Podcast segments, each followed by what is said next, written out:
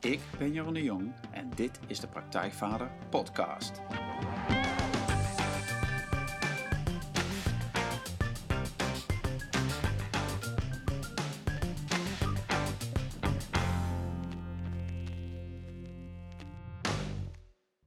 Welkom bij een nieuwe aflevering van de Praktijkvader Podcast. Jeroen hier en goed dat je weer luistert. Zoals elke aflevering interview ik een inspirerende gast die jou verder gaat helpen bij de volgende stap in je vaderschap. Ik vraag schrijvers, coaches, wetenschappers, kunstenaars naar hun vak, hun ervaringen, hun tips en trucs over hoe je met meer ontspanning en plezier de vader kunt zijn die je je kinderen en jezelf gunt. En vandaag is levensleraar, spreker en schrijver Vera Helleman te gast. Welkom, Vera. Dankjewel. Ja. Vera Helleman is een van de populairste spirituele leraren van Nederland. En ook een van de meest eigenzinnige, uh, vind ik zelf. Maar Vera is het tegenovergestelde van zweverig. en weet complexe materie uh, en situaties in no time helder te maken. En ze was lange tijd uh, op zoek naar wat ze nou precies wilde met haar leven, of wat het leven van haar wilde, zou je kunnen zeggen. En ze probeerde van alles uit: werk, huizen, relaties, trainingen, hobby's. Totdat ze besefte dat alles wat ze buiten zichzelf zocht, al binnenin haar aanwezig was. En toen ging ze doen waar ze echt blij van werd: mensen in hun eigen kracht zetten of hun eigen essentie laten ervaren. Ze schreef het inspirerende en confronterende boek Moeiteloze Zelf zijn, wat gaat over hoe je kunt ontspannen in wie je werkelijk bent en je volledige potentieel kunt leven. En Vera maakt online trainingen, geeft lezingen en trainingen door heel Nederland en België. Heeft haar eigen YouTube-kanaal Vera Verhelderd. En dat maakt de titel helemaal waar. En binnenkort, of eigenlijk als je er luistert, dan is het er waarschijnlijk al, het nieuwe boek De Emotie-encyclopedie. Waarin Vera maar liefst 350 emoties bekijkt of wat ze betekenen en hoe we ze constructief, constructief in kunnen zetten. Want zoals ze zelf zegt, emoties geven ons feedback op hoe we van binnen omgaan met wat er buiten ons gebeurt. Richtingaanwijzers dus. En naast het boek is er ook een online training over emoties en er is zelfs een app onderweg. ja. En tegelijkertijd is Vera ook echtgenote, moeder van vier kinderen en heeft ze iets met honden en paarden. Maar laten we snel het gesprek ingaan, want dat gaat natuurlijk over het ouderschap, emoties en ongetwijfeld nog veel meer. Ja, Vera. Ja, dat is een mond vol, hè? Ja, dat is best veel. Nou, ik moet eerlijk zeggen dat ik het bij het maken van de inleiding een beetje moeite had om nou te omschrijven wat je doet en hoe je dat doet. En ja. um, jou en je werk. En ik ben heel benieuwd van, als je dat zelf vertelt aan iemand, van ja, wat zeg je dan? Dat is altijd heel erg moeilijk. Dat moet je dan in zo'n minuutje doen, hè? Ja. En uh, het is ook altijd aftasten van, staat iemand er open voor? Welke term kan ik gebruiken? ja. Hè, kan ik er een term als energie in gooien? Of uh, moet ik dan praten over de, uh, de onbewuste onderuit de communicatielijnen of zo? Ja. Dus ja, en wat het ook moeilijk maakt, denk ik, is dat ik heel veel verschillende vormen aanbied. Hm. Wat al die vormen gemeen hebben, is de intentie eronder. En als je daar kijkt, ben ik gewoon een vertaler. Ik ben een vertaler van wat er inderdaad in die uh, binnenwereld afspeelt. Hoe de mens functioneert, hoe deze werkelijkheid functioneert. En uh, ik leg dat uit. Ook de discrepantie tussen wat er werkelijk in jou gebeurt en wat je denkt dat je allemaal. Uh, want het is ook, mensen hebben niet eens het idee dat ze, dat ze eigenlijk heel iemand anders zijn dan hoe ze zich voordoen. Dat is ook al Dat is jouw ervaring? Ja. Heel veel mensen hebben geen idee wie ze werkelijk zijn. Daarom zitten al die workshops zo vol natuurlijk. Ja. Wie ben ik? Ja. En dat is ook onmogelijk te zoeken eigenlijk. Maar. Dus ik ben, ik ben eigenlijk een soort van uh, ja, vertaler van uh, wat er onderuit allemaal speelt. Ja, en dan, en ja, je zegt die workshops zitten vol. Jouw workshops ook, zeg maar, ook met mm -hmm. mensen die op zoek zijn naar zo'n vraag. En wat doe jij dan? Of om, om dat... Ik geef om... ze eigenlijk uh, de paardenmiddelen uh, naar geluk. De paardenmiddelen naar geluk. Ja, ik ben mijn hele leven op zoek geweest. Hoe, wat is nou de meest snelle weg ja. naar geluk? Naar een, naar volledig je, je uh, potentieel leven. Ik had van jongs af aan een enorme levensdrang. En uh, iets wat mij intuïtief zei, maar ik ben hier toch niet voor niets. Het moet toch ook in de eerste plaats leuk zijn? Ja. He, we hadden het voordat we begonnen even over dat christelijk denken. Hè, dat je dan echt zo'n zwaar van, van alsof het gaat om boetedoening. En dat ik daarna pas mijn, mijn beloning krijg. Ja, ja eerst, eerst moet het heel zwaar zijn en moet je heel hard werken. En dan, nou, dan hopen we maar dat er nog een keertje of in het hiernamaals. Ja. ja. En heel veel dingen zijn precies andersom dan dat wij denken. He, juist, het, juist plezier en enthousiasme is je leidraad naar uh, wat je het beste doet. Hè, en mensen Ja. denken, als ik maar zo hard mogelijk ploeter, dan, dan krijg ik de meeste voldoening. En dat is precies andersom. Ja. Nou, dat soort dingetjes Ja. vertel ik dus. Ja, ja en die mensen waarschijnlijk die in de training komen, bij jou, en dat herken ik ook in mijn eigen trainingen, die, die hebben er al iets van geproefd, hè? of die willen vaak al iets. Ja. En ehm, dus die snappen al, eh, en ook als ik naar mezelf kijk, zeg maar, van oké, dit, ja, het moet leuker kunnen, of het moet mooier kunnen, of ik heb hier iets te doen, en, maar ik weet alleen precies wat er Ja. is. Ehm, wat zit er dan vaak in de weg om dat, ehm, om dat te doen? Eigenlijk vooral eh, niet weten. Hm. Mensen zijn mensen, eh, misvattingen. Mensen hebben ontzettend veel misvattingen over het leven. En noem Ja. er eens eentje, kun je dat? Ehm, nou, wat in me opkomt, bijvoorbeeld egoïsme en naaste liefde. Dat is ook zo'n vreselijk misbegrepen dingetje. En wat ontzettend destructief werkt. Hè, dus heel veel mensen, en, en dan misschien, nou ik weet niet, vooral vrouwen, dat zie ik bij mijn man ook. Eh, we blijven maar aardig naar anderen. En we hebben geleerd om anderen te helpen en aan anderen te denken. En eerst de ander voor onszelf. En daarmee eh, verleg je eigenlijk je, je kracht naar de buitenwereld toe. Dus, dus die, die is, is moeilijk op audio uit te leggen, zeg. Want ik maak allemaal gebaren natuurlijk. Iemand die enorm in zijn kracht staat, die heeft eigenlijk een soort van centrale koker door zijn lijf heen, waar, die, waar, die, waar de kracht gecentreerd is. En wanneer je bezig gaat houden met dat je eerst voor een ander moet zorgen, Ja. Dan, gaat eh, dan verschuift dat daar naartoe. Maar ook als je, als je aardig gevonden wil worden, verschuift die ook naar buiten toe.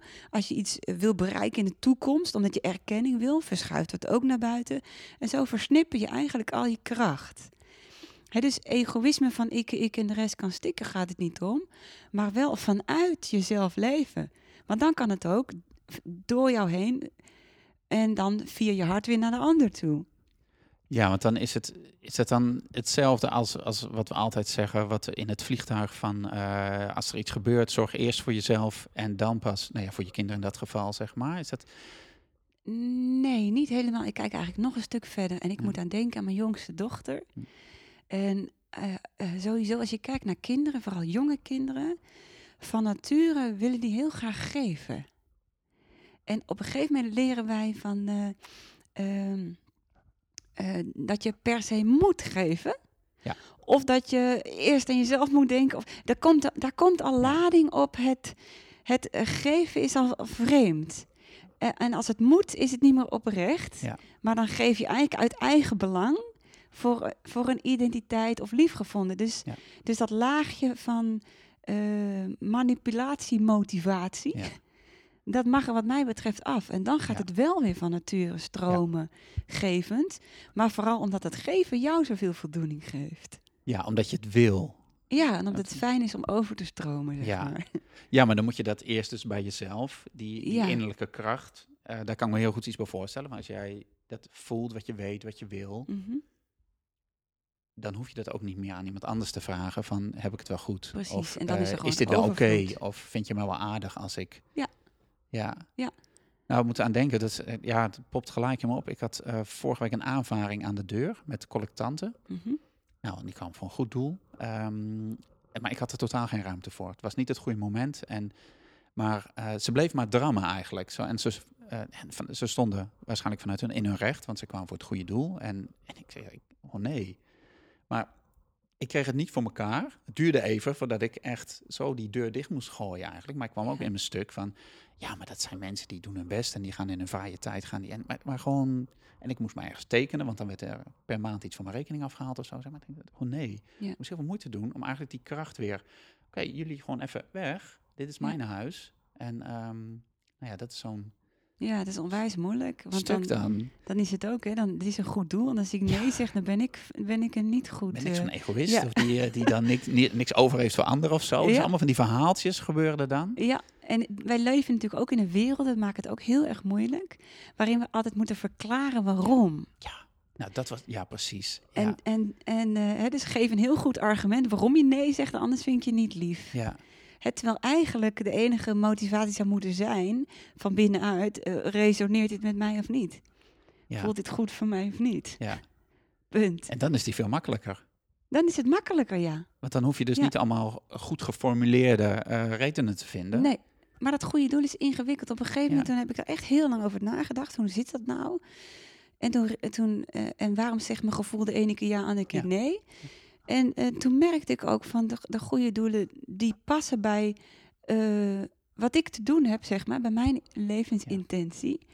Daar wilde ik echt mijn liefde aan geven. Ja. En andere dingen, ja, je moet er ook achter staan, hè? Ja, ja. precies. precies. Nou, dat klopt wel. Ja, dat is wel een, eh, dat, ja, dan werkt het wel. Mhm. En dan is het veel makkelijker om gewoon te zeggen, Ja. fantastisch, doe ik mee en hier. Ja. Dus wat dat betreft is er totaal geen goed en fout, maar vooral wat is goed en fout voor jou. Hè? Ja. Dat is natuurlijk ook eh, nou ja, in het ouderschap zo, waar je zo meteen vast naar heen Ja. gaat verwijzen. Ja, nou ja, ik zat al gelijk te denken inderdaad. Van jij zei dat over dat geven. ehm, wat, je, wat je dan merkt, en ook, ook met kinderen. ehm, ik merk dat er heel veel, dat hoor ik ook in mijn trainingen, zeg maar, van dat kinderen dan op een gegeven moment een handje of een kusje moeten geven. Aan opa Ja. of oma of zo, of weet ik van de buurvrouw. Ja. En, ehm, en in eerste instantie gaat dat misschien nog spontaan als ze klein zijn. Op een gegeven moment dan willen ze, of misschien dan zelfs al niet. Maar in ieder geval als het moet, en dan niet eens alleen van oma, die, die graag eh, een kusje wil. Ja. Maar ook van de ouders, die denken, ja, maar dat is toch oma, dus dat moet toch wel? En dan, Ja, heel naar. Ik kan me herinneren Ja. dat mijn oudste dochter, die is nu 15, we waren op een feestje. En eh, nou, mijn kinderen niet, zijn niet best goed opgevoed in de handjes geven en dankjewel zeggen. Wat had ik toen al een weerstand tegen? ja, precies. Want dat ja. vond ik als kind vreselijk, want Ja. ik was heel verlegen. Dan moest ik dankjewel zeggen, dan moest ik mijn stem laten horen. Dat vond ik heel eng.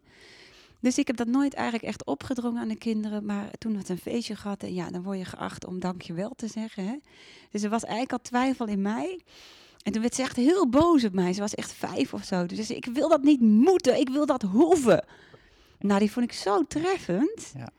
Ik wil het uit eigen vrije beweging doen. Ja. Omdat ik het fijn vind om dat te zeggen. En niet omdat het opgelegd en gedwongen wordt. Ja. Daar komt er weerstand op. Natuurlijk komt er weerstand op. ja, fijn dat er überhaupt weerstand komt. Ja, Want er zo- zijn misschien ook kinderen die daar dan soort gedweeën meegaan. Ja, En ja. dat, eh, in dat geval is het gewoon, gewoon het, het best als ze zien aan jou dat het leuk is om contact met een ander te hebben. En misschien dankjewel te zeggen met een compliment en je ziet wat er dan gebeurt. ja, Van, oh, doe mama dat zo. ja. Ja, en- maar dan is het ook vrij of zo. Want als Dan jij als vrij. ouder voelt van, ja, ik kan, me, kan oma of mijn eigen vader of moeder niet teleurstellen als mijn, ja, dan wordt het allemaal gedoe. Ja, precies. Ja. En het Ja. is natuurlijk ook dat die ouders dat opleggen omdat zij zich anders een slechte Precies. hè, afgekeurd worden op hun Ja. ouderschap. Dan ben ik, niet, ben ik geen goede ouder. Ja, dan heb, ik mijn niet kind niet goed opgevoed. Mijn fout. Ja. Ja, precies. Nou, mooi opvoeden. Dus, dat, daar gaan we het over hebben, Vera. Want ehm, eh, ik las een interview met jou. eh, dat ging over, ehm, dat was in het tijdschrift Kind. Eh, dat ging over je kind als goeroe. En ik had dus, ja, is dat nou zo? Is dat nou zo? En toen schreef jij, of jij zei daarover, ja, je kind is wel je goeroe.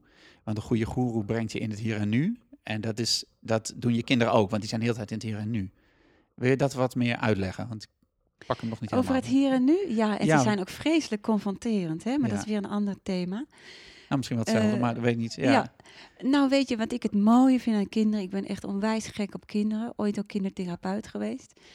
En eh, kinderopvang gewerkt, kindertelevisie gewerkt. Ik heb veel met kinderen gedaan. en ehm, wat ik prachtig vind aan kinderen is eh, de puurheid. ehm, waarmee ze, ik heb bij mijn kinderen altijd geprobeerd om te zorgen dat ze autonoom worden en blijven, blijven en worden. Het was een beetje kip-ei soms. Ja. En dat ze hun eigen ja en nee durven kunnen voelen en durven volgen. Ja. En eh, wat het mooie is aan kinderen, en soms frustrerend als ouders, want we moeten straks ergens heen, dus. En dan moet je dus nu een jas aantrekken. En eh, we moeten zo laat op school zijn, dat betekent dat je nu moet opschieten. En een kind dat ziet dat straks helemaal niet. Nee. Dus jij wordt eigenlijk al ook geconfronteerd met jij bent in het straks, maar niet in het hier en nu. Dus eh, wat, het, wat ook typerend is in het hier en nu, is dat ze heel zintuigelijk zijn. Ze luisteren naar de omgeving, ze kijken, Mhm. ze zien daardoor heel veel. Ze ervaren daardoor heel direct. En ehm, als je het hebt over goeroes en het brengen naar het hier en nu, dan is het hier en nu dé plek waar er eigenlijk helemaal geen zorgen zijn. Gedachten bijvoorbeeld gaan altijd over daar en straks of toen. En eh, iemand buiten ons waarop we. Hè? En hier en nu is alles rustig. Dus uh, zo worden, er is er ook zo'n uitspraak, even een bijbelse uitspraak, ik weet niet wie hem heeft geroepen, maar als gij niet zijt als kinderen, zult gij nooit het rijk der hemelen betreden. Ja. Het is echt het weer durven openen, het puur durven zijn, het, het weer het leven durven ervaren, volledig met al je zintuigen, al je zes zintuigen, volledig ook in het hier en nu voelen. Wat is mijn richting? Wat klopt op dit moment? En daarin ligt het verleden besloten en daarin ligt de toekomst besloten. Wat bedoel je daar precies mee? Met het daar bedoel ik mee dat op het moment dat jij in het hier en nu uh, dingen kan helen, uh, lossen ze ook in jouw herinnering van het verleden op. En ik hou er niet van om terug naar het verleden gaan om dingen op te lossen. Mhm. Ik kijk graag in het leven van hier en nu, hoe jouw innerlijke wereld er op dit moment uitziet. Als ik het over de toekomst heb, dan zeg ik, het heeft uh, niet zoveel zin om naar de toekomst te kijken en naar de toekomst te wandelen. De toekomst creëren doe je, doe je door de toekomst naar het hier en nu te halen. Dus door je hier en nu al um, de stappen te zetten die hier en nu kunnen in lijn met dat toekomstbeeld, als ware het nu. Ja. Dat klinkt misschien ingewikkeld, maar... Nou, maar dat vraagt wel dat, dat je... Dat vraagt wel dat je een beeld hebt van de toekomst, want anders kun je niks in lijn zetten. Of uh, zie ik dat verkeerd? Nee, je hebt een... Uh, um, wat ik altijd doe, en dat in jouw inleiding namelijk, toen dacht ik, die moet ik aanpassen aan mijn website. Die kwam denk ik van mijn website, die klopt namelijk niet helemaal meer. Want als ik terugkijk naar mijn leven en ook als ik mijn kinderen zie en hoe ze ontwikkelen, iedere stap die ik daarin heb gezet, iedere relatie, iedere hobby, iedere uh, baantje, ieder project dat ik oppakte, heb ik onbewust, intuïtief geweten dat ik die vaardigheden of, of onderzoek nodig had om te gaan doen wat ik als intentie wilde doen. En intentie is niets anders dan eigenlijk de, de energetische blauwdruk die je bent. Het bloembolletje uh, waarmee je hier komt, wat al die, waarin al besloten wordt dat je die bloem moet worden. En dat zie ik ook aan de kinderen. En dat vind ik het mooi van. En dan ga ik even terug naar egoïsme. Zij weet, en zeker de jongste, die is zo puur en zo sterk bij zichzelf. Zij zet heel erg bewust iedere stap die ze zet, ook al is dat kinderlijk knipseltjes maken, of zingen, of kijken en observeren, of met dieren spelen. Ieder moment dat zij intuïtief voelt, dat is het allerliefste wat ik nu wil doen, komt daar weer iets bij in die ervaringsbron waarvan zij intuïtief weet, dit heb ik nodig voor straks. Ja. Ja. Dus geen enkele baantje en ervaring is voor niks geweest. Nee. Ook al jobhopte ik naar 30 verschillende ja. dingen. Ja, maar dat maakt het ook. Um, ik wil nu niet opnemen, de telefoon gaat. Ja, ja ik ben niet of mensen het horen. Maar ja, oké. dus neem ik niet op. Nee, laten we gewoon gaan. Ja. ja. Uh, maar dat maakt dus ook, als je terugkijkt dan... Uh, gewoon wat je allemaal gedaan hebt in je leven. Mm -hmm. voor iedereen. Maar dat je daar met een soort, soort mildheid uh, naar terug. Ik kijk aan mezelf wel eens denk van, ja man, uh, ik ben nu 43 en ik heb 13 jaar heb ik een uh, kantoorbaan gehad waarvan ik eigenlijk heel de tijd wel wist dat het niet was. Ik had al tien jaar eerder dit werk kunnen gaan doen wat ik heel leuk vind. Mm -hmm. Maar dan kijk ik terug en denk, ja, maar dan kan ik twee dingen. Ik kan mezelf op de kop geven dat ik dat niet heb gedaan. Maar zoals jij nu zegt, dan is het ook van, ja, maar het was misschien wel nodig om hier te komen. Ja, als jij zegt, ik heb al veel, veel eerder weggegaan, weet je, dan voel ik wel van, nou ja, aan de andere kant, Jeroen. Ja, ja, ik zeg ik al tegen mensen, als je op een kruispunt staat en je kan rechts, rechts en links, dus je kan kiezen, ik ga hier weg of ik blijf dan maakt het eigenlijk niet uit of je rechts of links kiest. Want het leven wat, wat je aantrekt, resoneert op wat je hebt uitgezonden. Dat betekent dat rechts en links wel een andere uitkomst zal geven. Maar dat de, de, de uitdagingen in die andere uitkomst precies hetzelfde intentie voor jou zullen hebben. Ja. Dus ik laat altijd het wie, wat, waar, wanneer en uh, uh, met wie wie, wat, waar, wanneer en wanneer. Nou ja, je snapt wat ik bedoel. De vorm laat ik los, maar ik blijf altijd heel scherp ingetuned op wat mijn intentie is. Ja. En de vorm maakt dan niet uit. Die, die, die is dienstbaar aan. Ja. ja, dat snap ik. Want als ik nu, Ja. eh, als een, even, om dit verhaal even rond te krijgen voor mezelf, merk ik van, doordat ik die baan had, wat een veilige, veilige plek was, waar ik me kon ontwikkelen, waar ik kon groeien met een fijn salaris en, en flexibele werktijden, heb ik heel erg in mijn eigen vaderschap kunnen Mhm. eh, verdiepen. Was gewoon aanwezig met de kinderen. Ik heb trainingen, opleidingen kunnen volgen, zeg maar, die dienstbaar zijn aan wat ik nu doe. Op een hele comfortabele manier Precies. eigenlijk. Dus er was heel veel ruimte en tijd voor Ja. om dat te doen. En het stond niet onder druk dat er geld verdiend moest worden of zo. Dus dat, dat was allemaal geregeld. Dus dat is wel... ehm, Ja. ja. En die intentie waarover ik het heb- heb Ja. in het werk, die intentie is er ook naar de kinderen toe. ja, Absoluut. Want daarin merk ik ook dat je bent als ouder vooral een persoon. Ja. En je bent geen eh ouder machine die de boekjes heeft gelezen en wie precies weet hoe het moet en niet moet. Sterker nog, als je het probeert te doen waarvan je vindt dat het moet, eh, dan komt er voor een kind ook eh, een verwarring. Want als je het, het doet omdat je vindt dat het moet, maar je voelt het nog niet en het is nog niet geïntegreerd, dan, dan voelen ze twee verschillende eh, ondertonen in wat je doet. En dan wordt het heel erg verwarrend voor een kind. En ik merk dat ik in de eerste plaats ben ik Vera en niet mama. Dus nou, mijn, kinderen zijn volledig gelijkwaardig als mij. Zo behandel ik ze ook. Dus ze zijn heel erg zelfstandig en opgevoed. En ze weten dat er waarde wordt gehecht aan hun mening. en, maar wat, de, wat eh, eh, ik ben dus heel erg mezelf.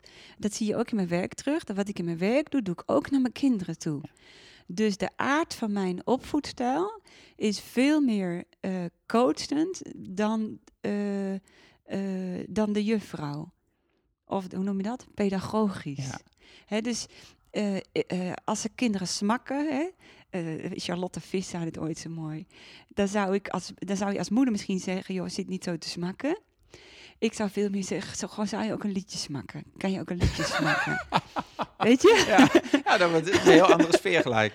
Ja, Ja. betekent dat dat jouw, ehm, dat is dan gelijk de vraag die bij me ook komt, dat jouw kinderen alles mogen of dat je ze helemaal vrij laat? Wat, hoe, hoe, Ehm, hoe doe je dat?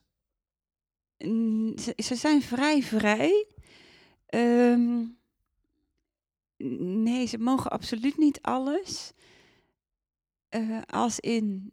Ehm, kijk, wij, wij, wij, zijn, wij hebben ze vrij sober opgevoed. Dat waren ook de omstandigheden. We hebben lang in faillissementperiode gezeten. Er was niet veel. Ehm, ik ben ook. Mijn focus ligt vooral op oprechtheid. Wat ik merk eh, naar mijn kinderen toe is als ze gaan manipuleren, dan zie ik dat gelijk. Daar heb ik een hekel aan als mens, omdat ik van oprecht hou. Dat werkt bij mij niet. En ook, eh, eh, ik, ha- ik weet ook wat de paardenmiddelen zijn naar geluk toe. En dus op het moment dat ik ze zie eh, de hele dag door schermen, en ik zie ze als het scherm uitgaat hun zien onder de arm lopen, dan protesteert alles in mij tegen dat scherm. Ja, Dus wat, zij mogen van mij zich volledig ontwikkelen zoals ze willen. Als ze een, een hut willen bouwen, dan, dan ben ik de eerste die naar de, naar de bouwmarkt fietst om hout te kopen. Alleen als ik zie dat ze er gelukkig van worden en zich ontwikkelen. Als ik zie dat ze iets willen waar ze ongelukkig van worden, dan ben ik roekzichtloos en heel streng. en wat gebeurt er dan als, als, als zo'n voorbeeld van wat, wat doe je dan of hoe reageert het kind daarop? Als jij, Als ik ze betrap bijvoorbeeld Ja. op onoprechtheid, dan eh, eh, mijn dochter van 15, die zegt, zegt nu wel eens van, ehm, ja, maar dat voelt vaak zo heel hard. En ik weet wel dat je gelijk hebt, maar je Ja. pakt me dan precies op mijn pijnplek. Ja. Dus ik ben niet altijd de makkelijkste moeder. Nee. Ik maak het mezelf ook niet altijd het makkelijkste. Want ik, ik vind het belangrijk dat ze open blijven en blijven wakker blijven. Ja, in dat hier en nu. Ja. ja, want dat Ja. vroeg ik me af. ehm, hoe, hoe jij dat eh, vertaalt. Of ja, misschien vertaal je het niet, want je zegt ik ben vooral Vera. Ja. Ehm, de kennis die je hebt of hoe je alles wat je in je werk doet met cliënten en je trainingen. ja. Hoe je dat vertaalt of wat je daar... Nou, misschien hoe je dat uitlegt aan je kinderen. Want je kinderen zijn Ja. hè, dus, eh, 15, 16 zeg Ja. je. Ehm, dan hebben ze de leeftijd dat ze die dingen ook snappen. En misschien veel eerder ook wel. Maar Ja, hoe doe je dat? Hoe doseer je dat? Of hoe... Ehm, eerst, je, eerst je eerste vraag, want die was niet verkeerd. eh, is hoe maak je, eh, hoe vertaal je wat ik doe naar de kinderen toe?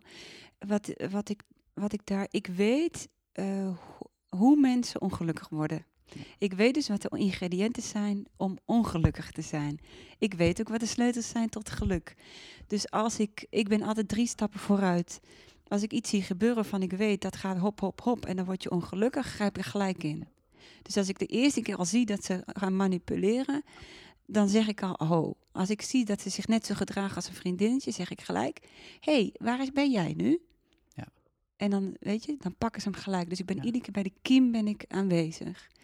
Het, ze krijgen bijna geen kans om onoprecht te zijn. Ehm, Mogen ze hun eigen fouten maken? Zeker, ja, zeker. Ehm, en die, die ruimte eisen ze ook op. Ja. Ja. Ik herinner me toen, eh, toen mijn de oudste klein was, de, mijn, mijn dochter klein was, dat ehm, ehm, mijn echtgenoot is heel erg zo'n ridder, weet je. En als ze dan huilde, dan ging die arm om haar heen, hè. En ik had veel meer zoiets van, laat haar maar even in haar eigen sop. Waardoor ik eh, mijn moeder-ego heel veel pijn is, heeft gedaan. Want hij was altijd, hij ontnam me eigenlijk mijn moederschap daarin. Hij was altijd eerder bij haar om haar te troosten. Waardoor ze nu wel eens zegt van, "Nee, maar ik, mis, ik heb jouw arm wel een beetje gemist. Dat heb Oh. heel veel, dat deed pijn. Ja, dat komt wel binnen dan. Dat deed heel Ja. pijn. Terwijl ik altijd was, zat op, die, ik snapte hoe die psychologische processen werkten. En ik wist, als ik ze te veel voed in haar drama, dan gaat ze in de slachtofferrol. En ehm, dat heb ik veel met haar over gesproken. Ehm, maar die arm, die troostende arm, iedere keer als het erin ging, heeft, is toch een klein beetje funest geweest. en bij mij krijgt ze die niet als ze niet oprecht verdrietig Wel als ze oprecht verdrietig is, hè? Dan ik. ben ik er en dan huilen we en eh Ja. gooi het eruit. Ja. Maar dat, dat, het manipulatieve huilen heeft bij mij nooit aftrek gehad. En dit, dit is voor mijn moeder-ego dus verkeerd geweest. Maar goed, wat heb je daaraan? En ehm, ik heb haar toen ook, toen ze klein was, altijd gezegd, midden in het drama ook, je kan ervoor kiezen om nu niet in de zielige verhalen te geloven, maar nu opnieuw te kijken. En dan zei ik wel eens van, hoor je dat de wind door de bomen raast? En voel je dat, dat je billen op de stoel zitten? Of adem eens met mij mee? En dan soms merkte ik dat ze eigenlijk de drama niet los wilde laten. En dan werden ze boos op mij. Ja, die ken ik ook wel. Dat is, ja, dat is, dat, die ken ik hè, ook wel, zeker met mijn middelste en mijn jongste. Dan doe ik iets soortgelijks en dan krijg ik vaak van mijn, mijn middelste, die is 12. Ja, dat is makkelijk voor jou om te zeggen, want jij snapt allemaal hoe dat moet. Ja. En dat kan ik helemaal niet. Of dat, Ja. eh, En het is ook heel moeilijk. Het Ja. vraagt zoveel ja, alertheid eigenlijk. Ja. Dat zegt mijn dochter nu ook. Ja, ik begrijp nu wel hoe het zit, maar toch kies ik iedere keer voor dat drama. Want Ja. oh, het is zo moeilijk. Ja. Dus ze snapt het volledig. En is dat dan ook zo dat, dat kinderen dat misschien eerst nog helemaal, ja, moeten- ja, ik zeg maar wat gewoon, maar doorleven? Of dat, dat, dat, Dat, ehm, of dat ja, soort, soort, soort uitleven, zo'n manier van het helemaal in dat drama verdwijnen en... ik ben geneigd om te zeggen nee. Ik denk dat het echt een kwestie van opvoeding is. Ja. En voorbeeld geven. Hè? Ja. Want ik zie het ook wel eens. Ik had bij een vriendinnetje gezien waar moeder echt op links ging. Ze zat te huilen. Die had een dochter die was echt super krachtig. En eh, die groeide op en met, een- met een jaar of acht ineens liep er een klein spinnetje. Oh, spin. En toen dacht ik, huh, jij? Je bent toch nergens bang voor? Ja. Puur gedrag moeder gekopieerd. Ja. Ja, dus, maar Ja. dat vraagt dus ook van jou als ouder, dat als je, dat geldt natuurlijk voor alles, maar als je dus niet wil dat je kind verdwijnt in zijn of haar drama, Ja. dat je dat zelf ook helder hebt in jezelf. Absoluut, absoluut. Dus ouderschap begint en ook, ook leraarschap, hè? Ja. Juffen.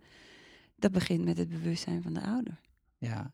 Ja. Jij bent het voorbeeld. Ik bedoel, eh, wat is het? 80% van je communicatie gaat non-verbaal, hè? Ja. Ja.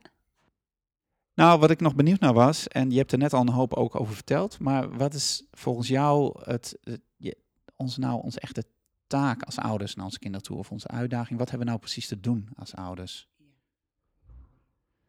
Ehm, het belangrijkste wat in, e- wat in de eerste plaats in mij opkomt is... eh, respecteer je kind om het wezen dat hij is. Ja.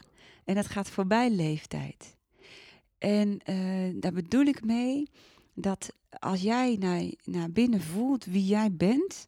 dan ben jij nu nog steeds dezelfde als toen jij was als je vier jaar oud was. Iets in jou is heel erg hetzelfde gebleven en puur gebleven. En dat is het meest essentiële deel van ons.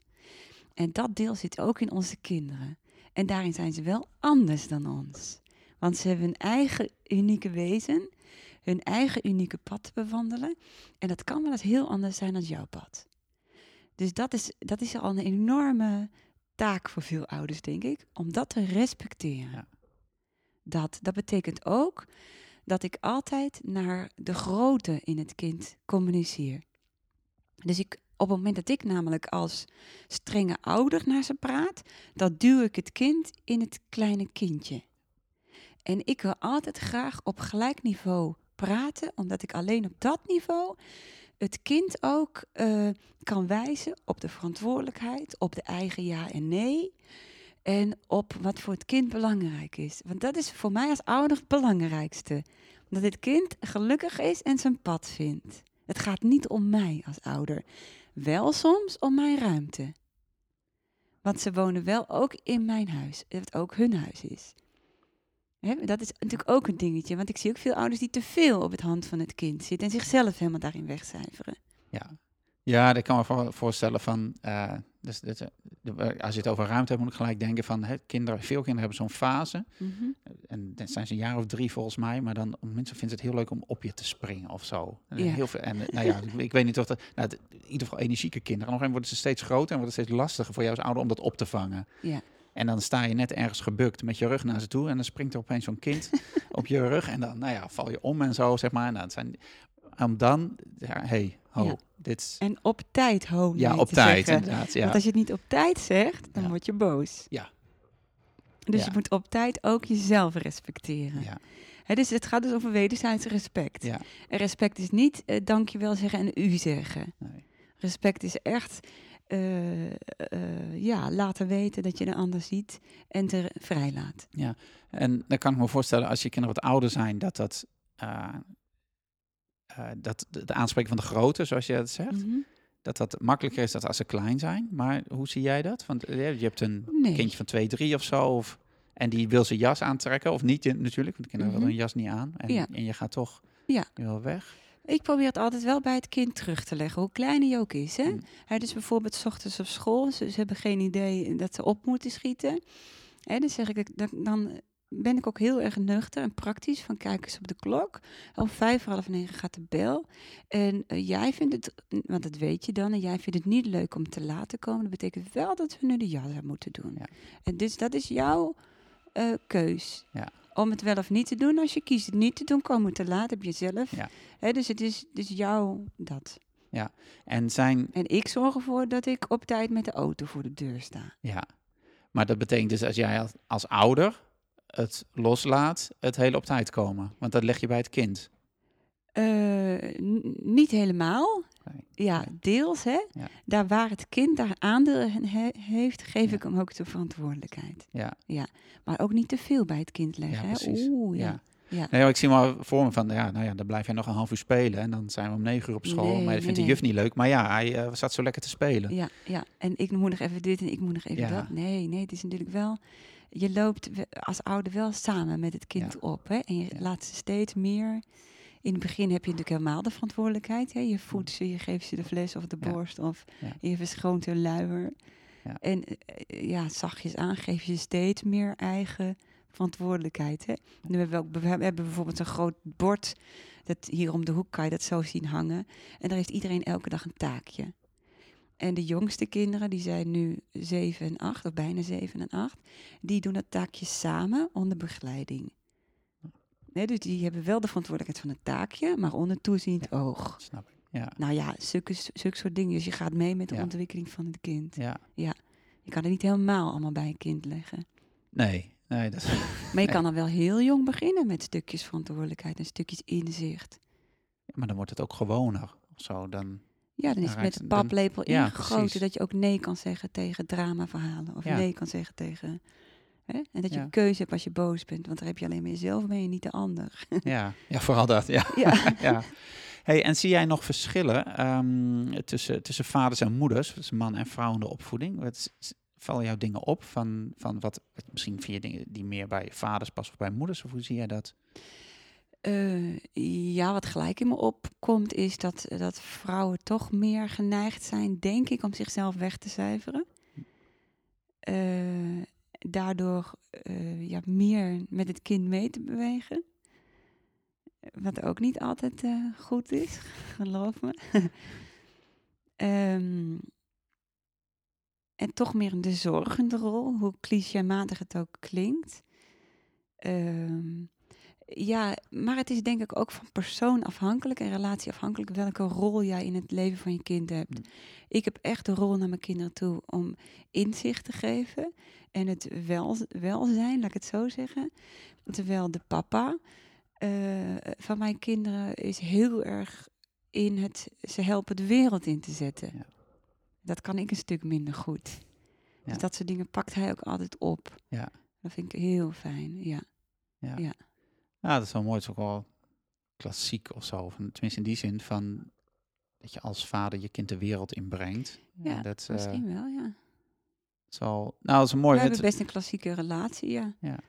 Daar zie je dat wel. Ik weet niet of het Ja. in alle ouderschappen zo Nou, is. weet je, en het maakt het mij op zich ook niet zoveel uit eh, hoe, je, hoe je dat doet, zeg maar. Maar het- als je denkt van, als je doet wat, stuk wat bij je past, zodat je niet zelf, jezelf in bochten wringt. Nou, precies. Ik denk dat het best zinvol is om te kijken als ouder. Wat voor, een, wat voor een rol heb ik naar mijn kinderen toe? Niet welke rol wil ik hebben, maar welke rol heb ik? Ja, die is anders. Ja, die is Ja, anders. die is echt anders. En daar is ook een stukje erkenning in nodig. Goh, iedere keer merk ik dat ik dit zo- zo'n soort rol naar mijn kinderen toe heb. Als je je bewust wordt van die rol, eh, zorg dan dat je die zo goed mogelijk vervult. Ja, en dat kan dus zijn dat het een andere rol is dan je misschien graag volgens de plaatjes of de boekjes of zou willen hebben. Ja, en dat er soms ook niet leuke kanten aan die rol zitten. Oké, heb je een voorbeeld? Kun je een voorbeeld geven? Eh, nou ja, net wat ik net al zei, hè, dat ik heb echt de rol om eh, onechtheid door te prikken, dat doet pijn. Ja. Ja, en eh, nou ja, als ik met mijn man kijk, die heeft echt de rol om ze de wereld in te helpen. Eh, dat betekent eh, ja, dat hij eh, eh, ja, vaak degene is die met ze op sleeptouw gaat. Ja. Ja. En dat kost natuurlijk tijd, en, maar Ja. het is ook heel leuk. En als spreekbuis naar de juffen toe Ja. en zo, weet je wel. Ja. Ja, en dat voordoen ook, hè? Hoe ben je een spreekbuis? Ja. ja, en dat vraagt dan ook weer iets, want daar kom je ook natuurlijk dingen in tegen. Van hoe doe je dat, hoe wil ik dat? Ja. En, En je ja. moet dat eh, kunnen, dat doen wij onder en weer ook, hè? Want eh, ik kan soms nog wel eens verlegen zijn in dat Mm. soort dingen. En hij is heel goed eh, in sociale dingen. Dat zeg ik ook echt van, goh, wil jij dat oppakken? Want jij bent er ook veel beter rolmodel in als Ja. ik. Ja, dat is mooi. Maar dat gaat dus ook over dat je in de relatie daar ook een soort, soort open blik in moet hebben. Maar ook dat je elkaar daar... Ja, twee dingen denk ik eigenlijk. Je moet dan zelf, als degene die dat goed kan, ook die verantwoordelijkheid willen nemen. Dat ja. En je moet ja. elkaar ook iets gunnen. Ja, dat is ook een mooie, dat gunnen. Ja, ja, ja. Nou ja, wat, ik, wat, ik, wat denk ik, wat bij mij op blijft komen is... eh, bij ons is het heel duidelijk, de, de, de zorg naar de kinderen staat altijd voorop. En dan is het wel echt de kunst om ook nog aan elkaar toe te komen en jezelf toe te komen. Ja. Want die kinderen gaan altijd voorop. En dat betekent dus niet dat ze alles mogen, maar de, het welzijn en de zorg en de ontwikkeling staat voorop. Ja. En dat is natuurlijk bij lang niet alle mensen zo. Want daar hoor ik veel klachten over, vooral in ex-partners. Hè? Ja. En wat ik ook veel hoor bij ex-partners die dan co-ouderschap hebben, is dat ze heel anders in de opvoeding staan. Daarom gingen ze natuurlijk niet door één deur, want partnerschap gaat vooral om, denken wij hetzelfde, kunnen we met elkaar in één luis, Ja. in deze wereld van vorm. Ja. En daarin vind ik het wel heel boeiend dat een kind dan opeens vier rolmodellen krijgt die heel verschillend zijn. Ja, Als er nieuwe papa's en stiefmama's komen. precies. En dan wordt een kind wel heel breed opgevoed. Vroeger had je natuurlijk gemeenschap en dat is nu heel veel minder. Ja, en ik vind het mooi, jij, het oordeel blijft eruit bij jou. Ja, Dat, dat, dat is heel belangrijk. Ja. Ja. Er zit, de basis is altijd acceptatie en respect voor ieders pad. ja. Ook het pad van het kind. Dus die weet ook dat hij twee verschillende ouders heeft. ja, en uiteindelijk dus soms ook vier, zoals jij Ja. schetst. Ja. En, En dat is niet per se echt zielig voor een kind, of dat is niet per se vervelend voor een kind. absoluut niet. Nou vind ik wel dat je met een autistisch kind niet eh, eh, twee dagen mama, twee dagen papa moet Ja. doen. Maar dat is even, dan zie je gelijk dat het kind protesteert. Ja. Maar dat is even andere Ja. praktische dingen. Nee, verschillend staan in ouderschap hoeft geen probleem te zijn voor het kind. Een kind weet feilloos bij wie het wat moet vragen en bij wie het wat moet afkijken. En opvoeding is wat mij betreft vooral een goede afkijker zijn. Een goede model zijn waarbij Ja. je kan afkijken. Nou, dat is, dat is een soort, een soort opluchting. Omdat ik heel vaak vragen krijg, of in de trainingen speelt dat ook, van juist vaders die gescheiden zijn. Die precies zeggen, ja, maar ik voed zo op. ja. En mijn ex-partner voedt zo op. ja, en er staat een ruzie onder. En, want, en we kunnen het niet eens worden. Nou, Ja. Nee, natuurlijk niet, denk ik dan. Maar dat is ook wat jij zegt. Maar ja, maar en dan? Ja. Maar ik zeg, ja, maar dat is helemaal niet zo erg. Nee, het gaat echt om acceptatie, dat er verschillende opvoedstijlen zijn. Ja. En dat een kind dat echt wel aan kan. Ja. Want het weet feilloos, bij mama zijn hier de regels, bij papa zijn dat de regels. Mama is zo in elkaar, papa zo. Ja. En het kind kan dan, heeft dan veel een bredere eh, eh, ja, keuze eigenlijk. Ja. Om te kiezen wat past bij mij als mens. Hoe En waar, zou zo'n, ja, en waar zou zo'n ouder zich dan meer beter op kunnen richten? Van, Op wat, eh, hoe hij zijn eigen taak als ouder het best vervult. Hmm. Als zichzelf.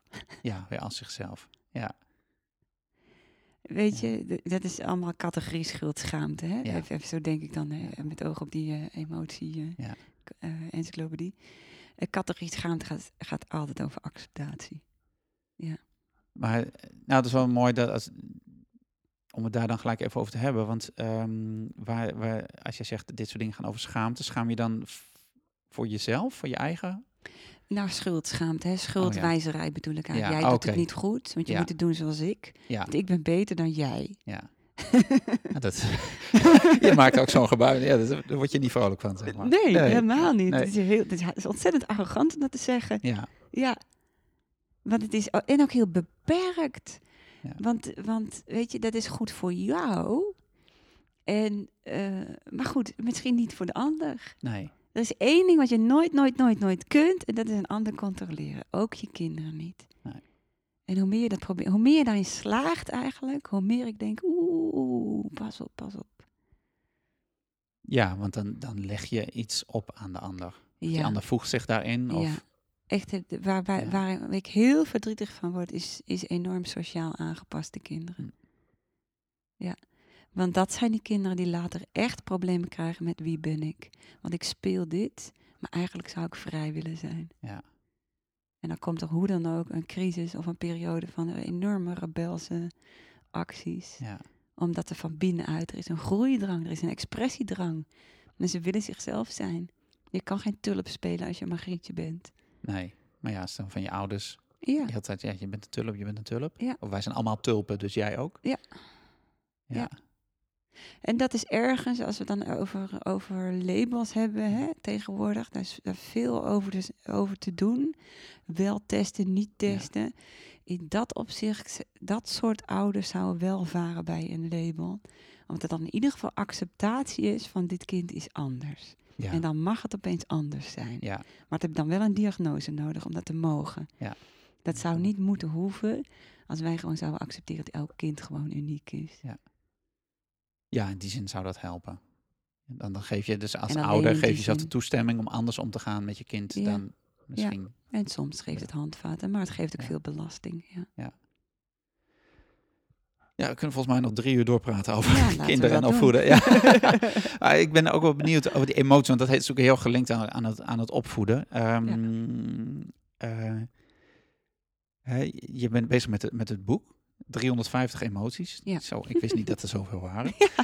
Sommige heb ik 350. zelf samengevoegd. Er zijn er al, in het register staan er al 400. Oh, man. en, ehm, nou, wat, ik heb de training bij jou gevolgd. Anders kijken naar emoties. En dat vond ik heel uh, verhelderend. Uh, zei net in de inleiding ook, hè, je, wat jij doet is, is tenminste zo, zoals ik het ervaarde, kijk naar emoties.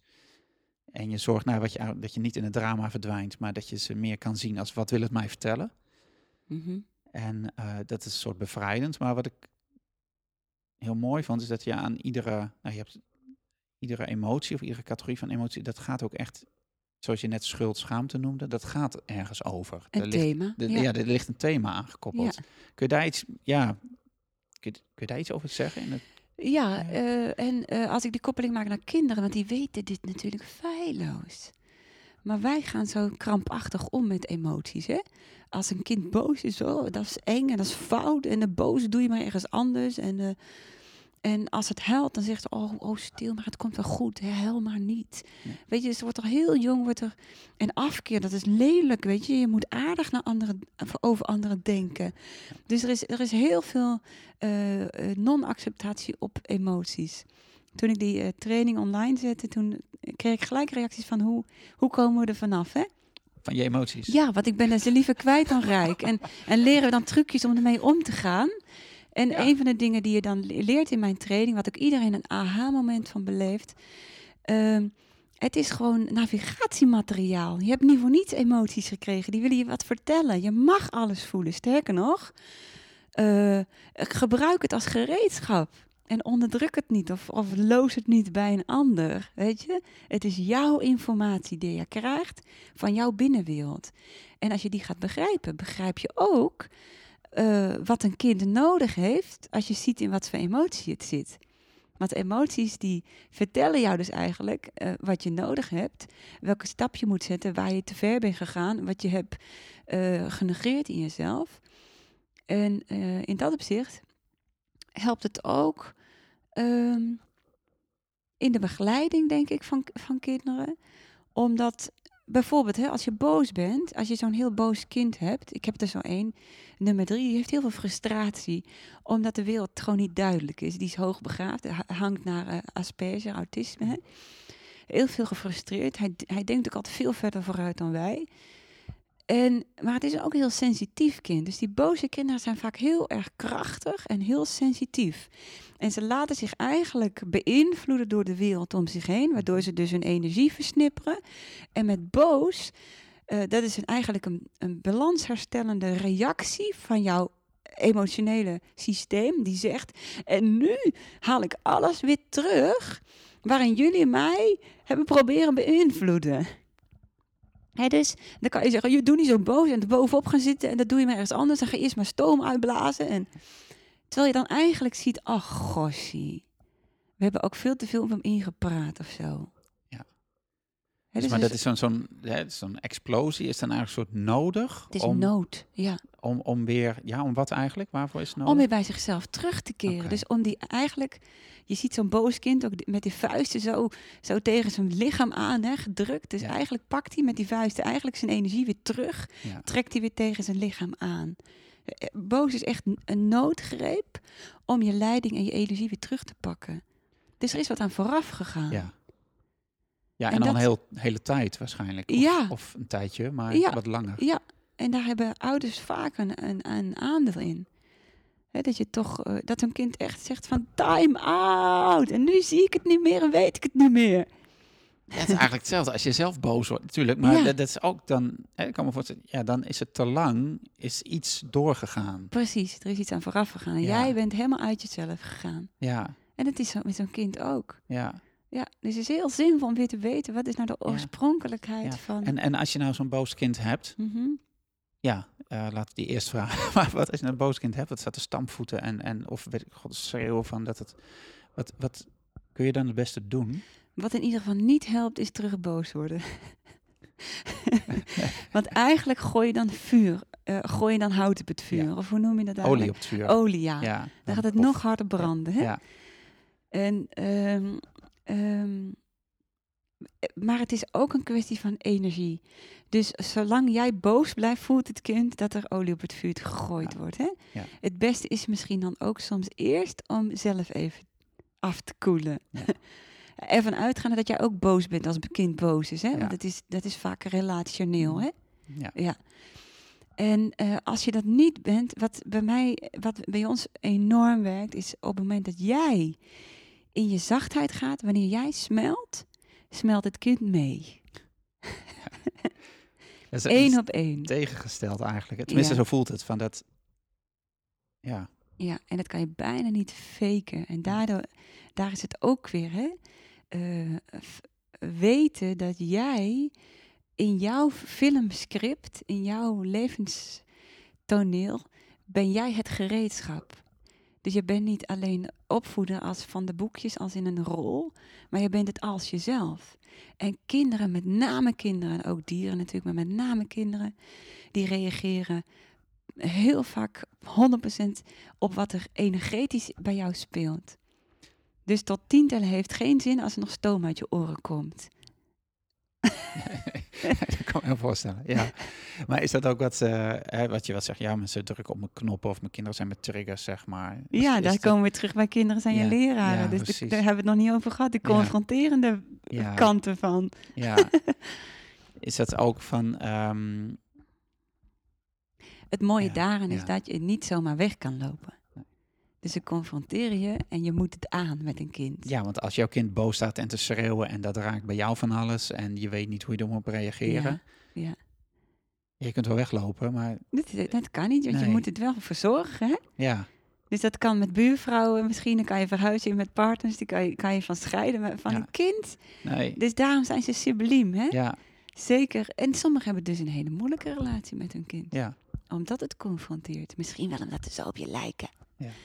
Hè, dus, ja, ja, ja, dat zijn alle dingen die je dan van jezelf liever niet wil weten of zo of zien. niet van jezelf zou toelaten, omdat je het afkeurt. Oké. Hè, dus als het over oordeel gaat, kijk dan eens, goh, wat, eh, eh, hoe, eh, wat doet een kind eigenlijk? En hoe doet het dat? Want dat is één, heeft dat acceptatie nodig. En twee, zou je wel eens daarin mogen opschuiven, precies op de manier dat het kind dat doet. Dus dat je meer hetzelfde gedrag zou mogen vertonen, bedoel je dat? Eh, eh, niet echt het gedrag, maar bijvoorbeeld, hè, eh, zo'n kind dat. eh, ehm, ehm, eh, en dan heb ik het misschien meer over moeders dan over vader. Iedere keer jou uit je tent lokt en waarin je dan maar weer mee gaat bewegen. Zo'n kind, zo'n kind vraagt eigenlijk jouw rem, die je dan niet hebt, want jij jezelf cijfert jezelf weer weg. Hè? Ja. Dus heel van, van wil je met me spelen, wil je met me meegaan, wil je met, bedoel je zoiets? Ja, zo. Ja. En, dan, en dan, dan kan je er dan aan storen misschien als ouder. Hè? En dan zou ik zeggen van, goh, wat stoort je dan precies? En hoe doet dat kind het precies? Nou, dus dan krijg je een antwoord misschien, ja, die stapt gewoon, die eist gewoon de ruimte op. Aha. Jij mag misschien wel eens wat meer je eigen ruimte opeisen. Ja. Zo. Ja. Dus we keren hem Ik eigenlijk ken genoeg vaders om. die daar ook... eh ja, dus, geloof ja hoor. ik, Dat, ja. eh, ja, die luisteren ook nu. Dus dat is mooi. En ik ken hem zo ook. Dus hè, dat is niks menselijk. Nee, maar dat is, ja, dat is wel heel... Het vraagt... Nou, het vraagt... Ja, het vraagt een heel erg open blik eigenlijk. Ja, het vraagt naar jezelf durven kijken. En het kind echt durven zien, ook als spiegel. Ja, En niet van, en ik ben je vader, je luistert naar me. ja die. Ja, nee, ja, maar die werkt toch niet? Nee, niet met die kinderen van tegenwoordig. Nee. Nee, ja, maar dat, dat is wel mooi wat je Die zegt. werkt als ze bang voor je zijn. Ja. Nou, als dat is wat je wil. Ja.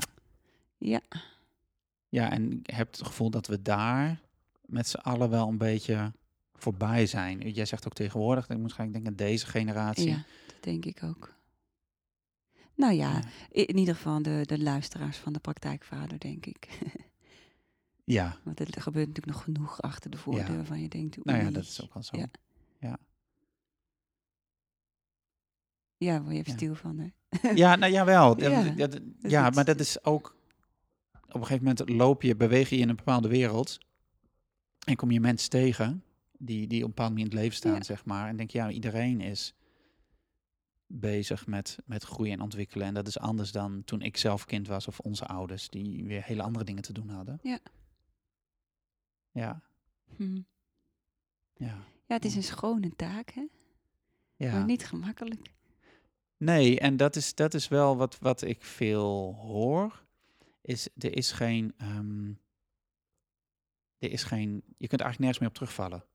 Er is geen systemen meer. Er zijn geen. Het is niet meer de kerk. Ja, sommige kerken misschien wel, maar het is Mm. niet meer dit. Het is allemaal minder zeker. Of minder vast of minder zwart-wit dan, dan 30 of 40 jaar geleden. Dus wat moet ik dan? Zeg Ja. maar. Wat moet ik dan als ouder? Ja. Ja, en Als ze echt, echt in een, eh, in een probleemsituatie zitten. nou, gewoon meer van waar haal ik mijn richting vandaan? Waar haal ik mijn leiding vandaan? Nou ja, weet je, de kinderen leren je ook onvoorwaardelijke liefde. En eh, als je het echt niet meer weet. Er zijn momenten geweest dat ik het echt even niet meer wist met nummer drie.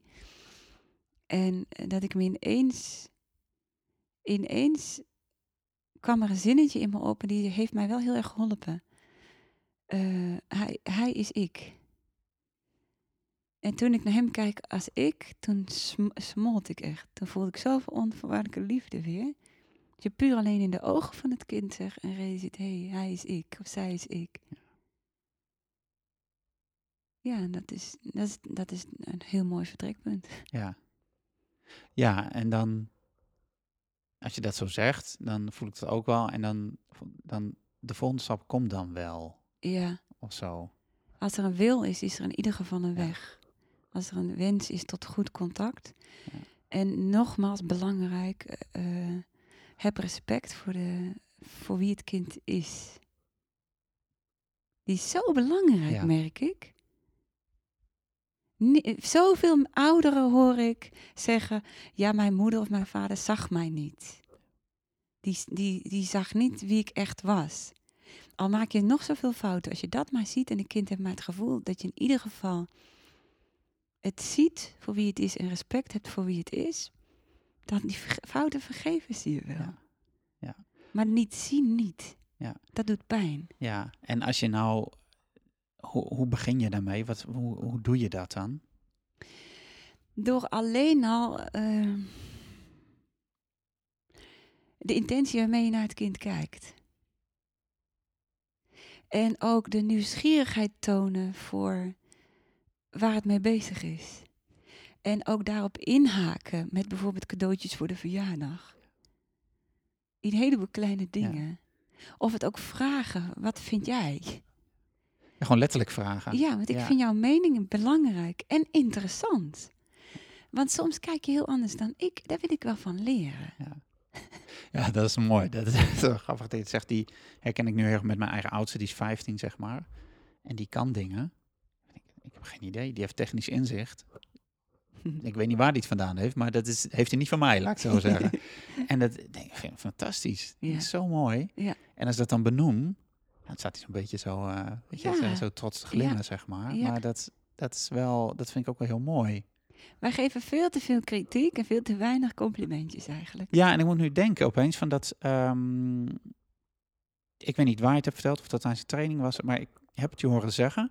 ehm, dat je op een gegeven moment ehm, naar de oude avond van je kinderen op de middelbare school ging. En dat je juist. In, en dan mocht je a- aangewezen gaan naar de leraar geschiedenis of leraar Engels of zo. En Ja. dat je, je ging naar de leraar toe waar de kinderen. Het beste in waren. Ja, best in plaats Ja. van. Oh ja, maar hij is zo slecht in biologie. Ga eens kijken. Waar de- waarom deed je dat? Nou, weet je, ehm, er is die gesprekken van waar is je kinderen niet goed in, dit vind ik altijd hele waardeloze gesprekken. Ja, en dan, dan moet je, dan moet je. Ik heb het zelfs een keer gehad. Nou, ik, heb, ik was zo boos dat die leraar eigenlijk de druk van dat de ouders erbij waren gebruikte om het kind op zijn nummer te zetten dat het niet goed deed. Ik werd zo boos op die juf. Toen heb ik gezegd: Denk je nou echt dat dit helpt?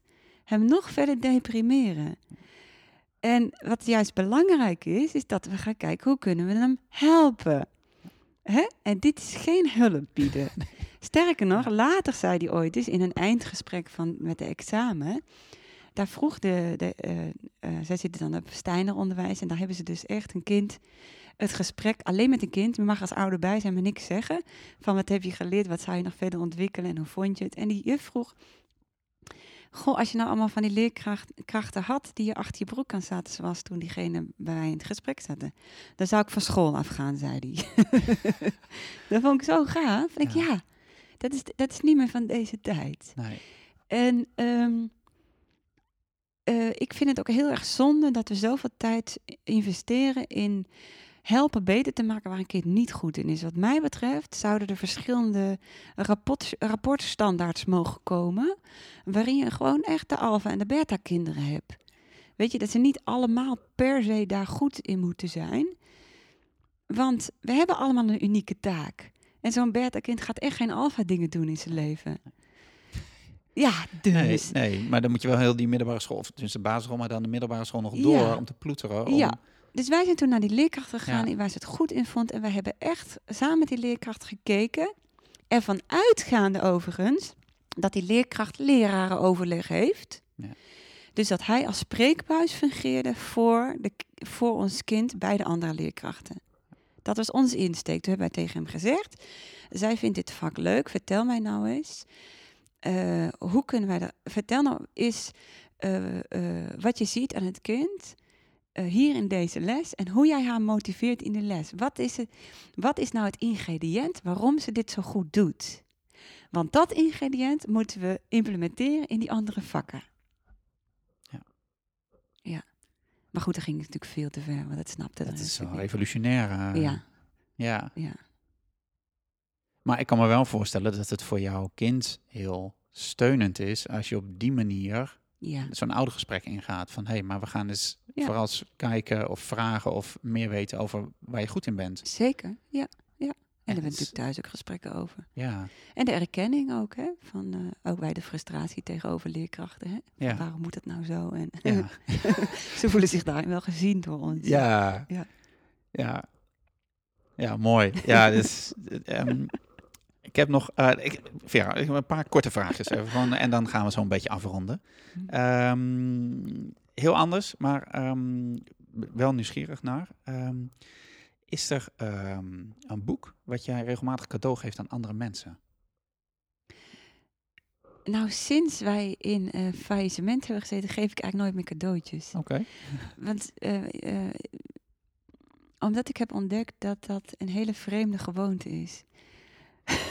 Kijk, heel aan de andere maar ik- Ik, neem wel eens ja. aardbeien uit de eigen tuin mee of zo. Dat vind ik heel leuk. Ja. Dat is overvloed en dat is, eh, dat is, die pluk je dan zelf. Er zit je liefde in. Er zit, je hebt aan een ander gedacht. Eh, ik ben niet meer zo van de materiële cadeautjes. Als je zegt, welk boek zou, zou jij regelmatig aanraden aan een ander?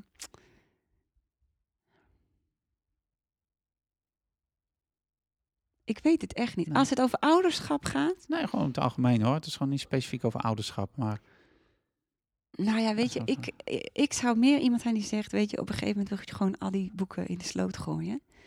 Of eh, weer op eh, eh, doorgeven. En dan moet je gaan luisteren naar de wijsheid van je hart. En dat is, dat is wat er in mijn boeken staat ja, natuurlijk. ja, ja, En daarna heb je geen boeken meer nodig. ja, Maar goed, weet je, als je praktisch iets wil leren, dan zijn er genoeg boeken. Hè? Ik, ik, nou, ik ben dan net in die paardenbusiness. Ja, dan, dan verslind ik boeken Ja. over, over eh, hoe pa- paardengedrag en weet Ja. je dat. Dus als je praktisch iets wil leren, ja, boeken leuk. Ja. Als je het over opvoeding hebt, zou ik de boeken van Charlotte Vis aanraden. Die zijn vreselijk leuk. Ja.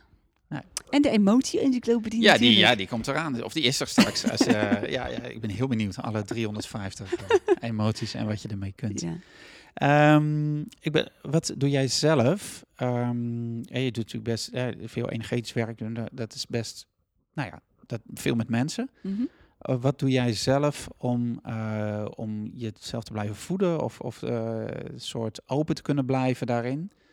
Dat je, ja, hoe zorg jij voor jezelf eigenlijk? Misschien is dat wel de vraag. Ja, ehm, een grote zegen is dat de paarden in mijn leven zijn gekomen. Dat is echt een zegen geweest. Die zijn niet alleen mijn leraren en daardoor mijn inspiratiebron geworden, maar ook ontspanning. En, en eh, die eisen openheid. ik heb het Ja. paard wat ik dus anderhalf jaar geleden ben tegengekomen, wat op mijn pad kwam, is een getraumatiseerd paard. Die eist openheid. Maar kinderen ook. Ja. Er is, eh, eh, ik kan niet tegen niet openheid. Nee. Want dan merk je gelijk dat het hard wordt en ongezellig. En dus er is wel, eh, als het niet stroomt, is het niet fijn. Ja. Eh, maar ik kom erg aan mijn voeding met die, met die paarden, ja. Ja, ja. mooi. Ja. Hey, En, nieuwe dingen creëren, hè? Ja, dat vind ik leuk. Ja. ja en dat, dat, dat houdt ook niet op. Dat houdt nooit op. Ik Nee. ben een nou ja, een meestercreator. Het is wat, Ja. ik, wat ik in mijn vingers heb, wat makkelijk is. Dus er moet absoluut ook nog eens een online cursus over hoe creëer je. O- Over creëren überhaupt. over ja. creëren überhaupt, ja. Ja. Ja, want het, eh, ja. Dat, eh, die kunst verstaat nog niet iedereen. Nee. En, en wat als je daar nu aan denkt, hè, dan ben ik gewoon benieuwd, omdat dat, weet je, daar zit ik zelf ook middenin. En ik weet heel veel, oh, man, in mijn trainingen, die op de een of andere manier komt het allemaal samen nu. Het gebeurt van alles. Iedereen lijkt wel of in de storm zit. En het is nu ook herfst. Maar Ja. wat, wat is, als nou, wat, stel jij zou een boek schrijven of een training over creëren. Ja. Wat is je eerste les? Of wat is je belangrijkste les die je zou meegeven? Ik zou als eerste uitleggen dat er drie componenten zijn aan creëren. En dat is één, intentie. En intentie eh, is het bloembolletje dat je bent. Dus die moet altijd aligned zijn. Twee is focus. Dus waar richt je je op? En die moet dus dienstbaar zijn aan intentie. En de derde is je motor, de daadkracht. En die ontbreekt ook bij heel veel mensen, omdat ze boosheid zo verafschuwen. Hè, dus daarmee gooien ze ook de broertjes van boosheid weg. Dus de daadkracht en het doorzettingsvermogen. En dus die zijn belangrijk. Wat verder een heel belangrijk eh, eh, misvatting is van creëren, is we willen het allemaal in de toekomst vinden. En zolang je in de toekomst blijft denken, blijft het toekomst. Het over vijf jaar dan, of over tien jaar ja, dan. of straks. straks, of, eh, of- ja, Als ik dit heb, dan. ja, en dan blijf je het in de ko- toekomst zetten. En eh, creëren doe je in het hier en nu. Dus je kijkt, wat is in alignment met mijn intentie? Ja. Waar kan ik me op dit moment op focussen? Wat daar het best in de buurt komt?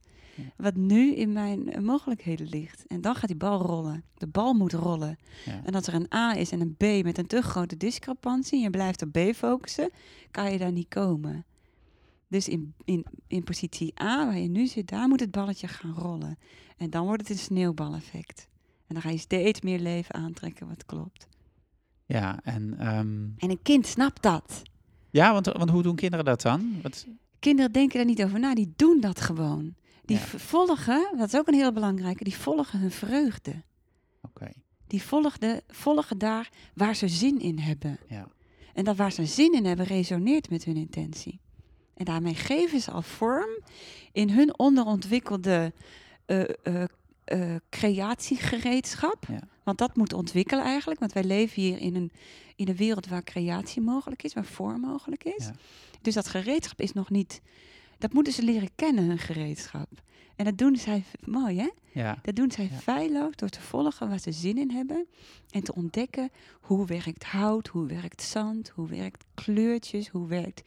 Hè, dus zo Ja. oefenen met vorm maken. ja, en zonder te denken eigenlijk. Ja, ja, Dus, hè, gewoon zonder te denken, oh, is dit wel goed of is het wel nuttig? Of... ja. Oh, Het is leuk, omdat Ja. het leuk is. Ja, dus jij zegt eigenlijk ook van als volwassenen zouden we meer moeten doen wat, Wat leuk is, leuk waar we vinden. blij van worden. Ja, Ja, hè? zo. nou, dan zijn we een uur bezig. Daar komen we uit. Mooi. We zouden meer moeten doen waar we blij van worden. Absoluut, want dat Ja. is wat resoneert met jouw intentie. Ja, En alle rest moet dienstbaar zijn aan jouw intentie. Je focus is dienstbaar, je karakter is dienstbaar, je, je kwaliteiten zijn dienstbaar, allemaal aan intentie. Een roeping is niets anders dan een tot vorm geschapen jij. ja. En dat is wat kinderen oefenen de hele dag.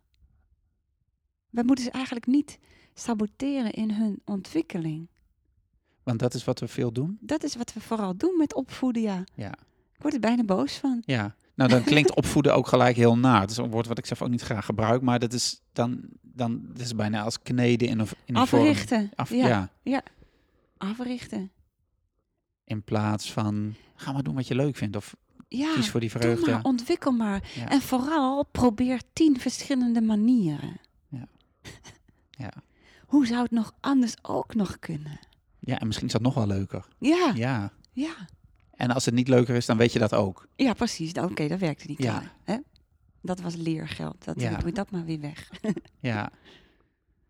Ja, mooi. Ja, nou, dus dan, eh, mensen hebben wat te doen, denk ik nu. Van, hoe kun je het nog leuker hebben?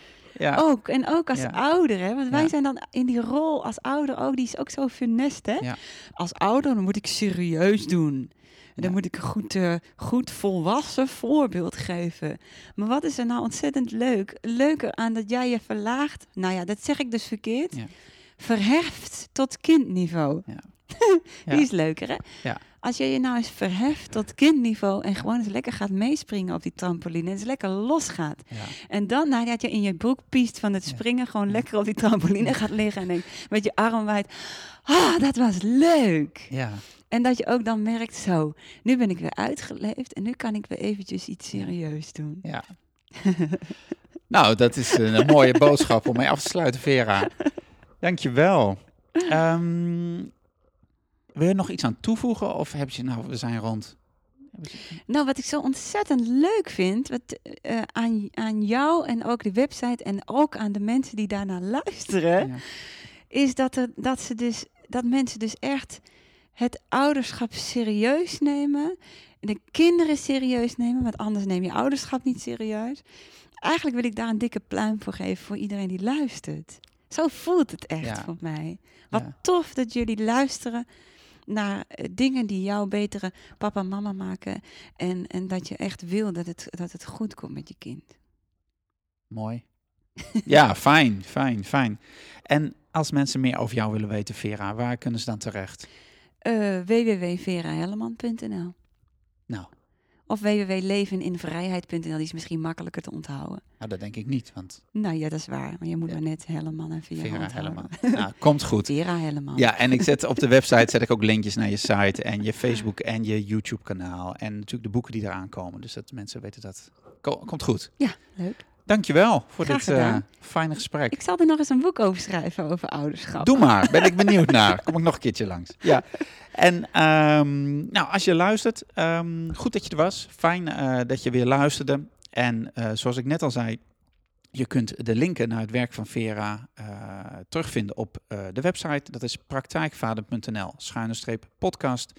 Ehm, daar kun je de, deze aflevering terugluisteren. Kun je ook alle andere afleveringen ter- terugluisteren. Maar je kunt je ook abonneren via iTunes of via de Stitcher-app als je een Android, Android-telefoon hebt. En dan krijg je iedere keer als er een nieuwe podcast is, krijg je automatisch een berichtje. Gewoon gratis. En omdat het kan en omdat het mooi is. Dus ga naar praktijkvader.nl, podcast. Daar vind je alles terug. En ik ehm, spreek je bij de volgende aflevering. Dus zoals altijd, heb het goed en tot ziens. Doeg! Voordat je gaat, wil ik je nog even wijzen op het volgende. En dat gaat over Vurige Vrijdag. Hoe zou je het vinden om elke vrijdag een heel korte en uiteraard gratis mail van mij te ontvangen met daarin 5 tips die het leven met je kinderen een stuk leuker en moeitelozer zullen maken? Vurige Vrijdag is een korte mail met een dwarsdoorsnede van wat ik de afgelopen week ben tegengekomen op mijn reis door de wereld van bewust en betrokken vaderschap. Het kunnen inspirerende artikelen zijn, citaten, spullen die ik heb aangeschaft, films of boeken om zelf of met je kinderen te lezen en te kijken, tips voor een uitstapje, inzichten uit mijn trainingen, een korte oefening die je meteen thuis kunt uitproberen en nog veel meer. Zie het als een instant inspiratieshot net voordat je weekend begint. Veel mannen willen graag concrete en praktische tips. Nou, hier heb je ze. Ga naar www.praktijkvader.nl slash vurige-vrijdag voor een eerste indruk en meld je daar meteen aan voor je wekelijkse vader inspiratieshot. Dus www.praktijkvader.nl schuine-vurige-vrijdag. Heb het goed!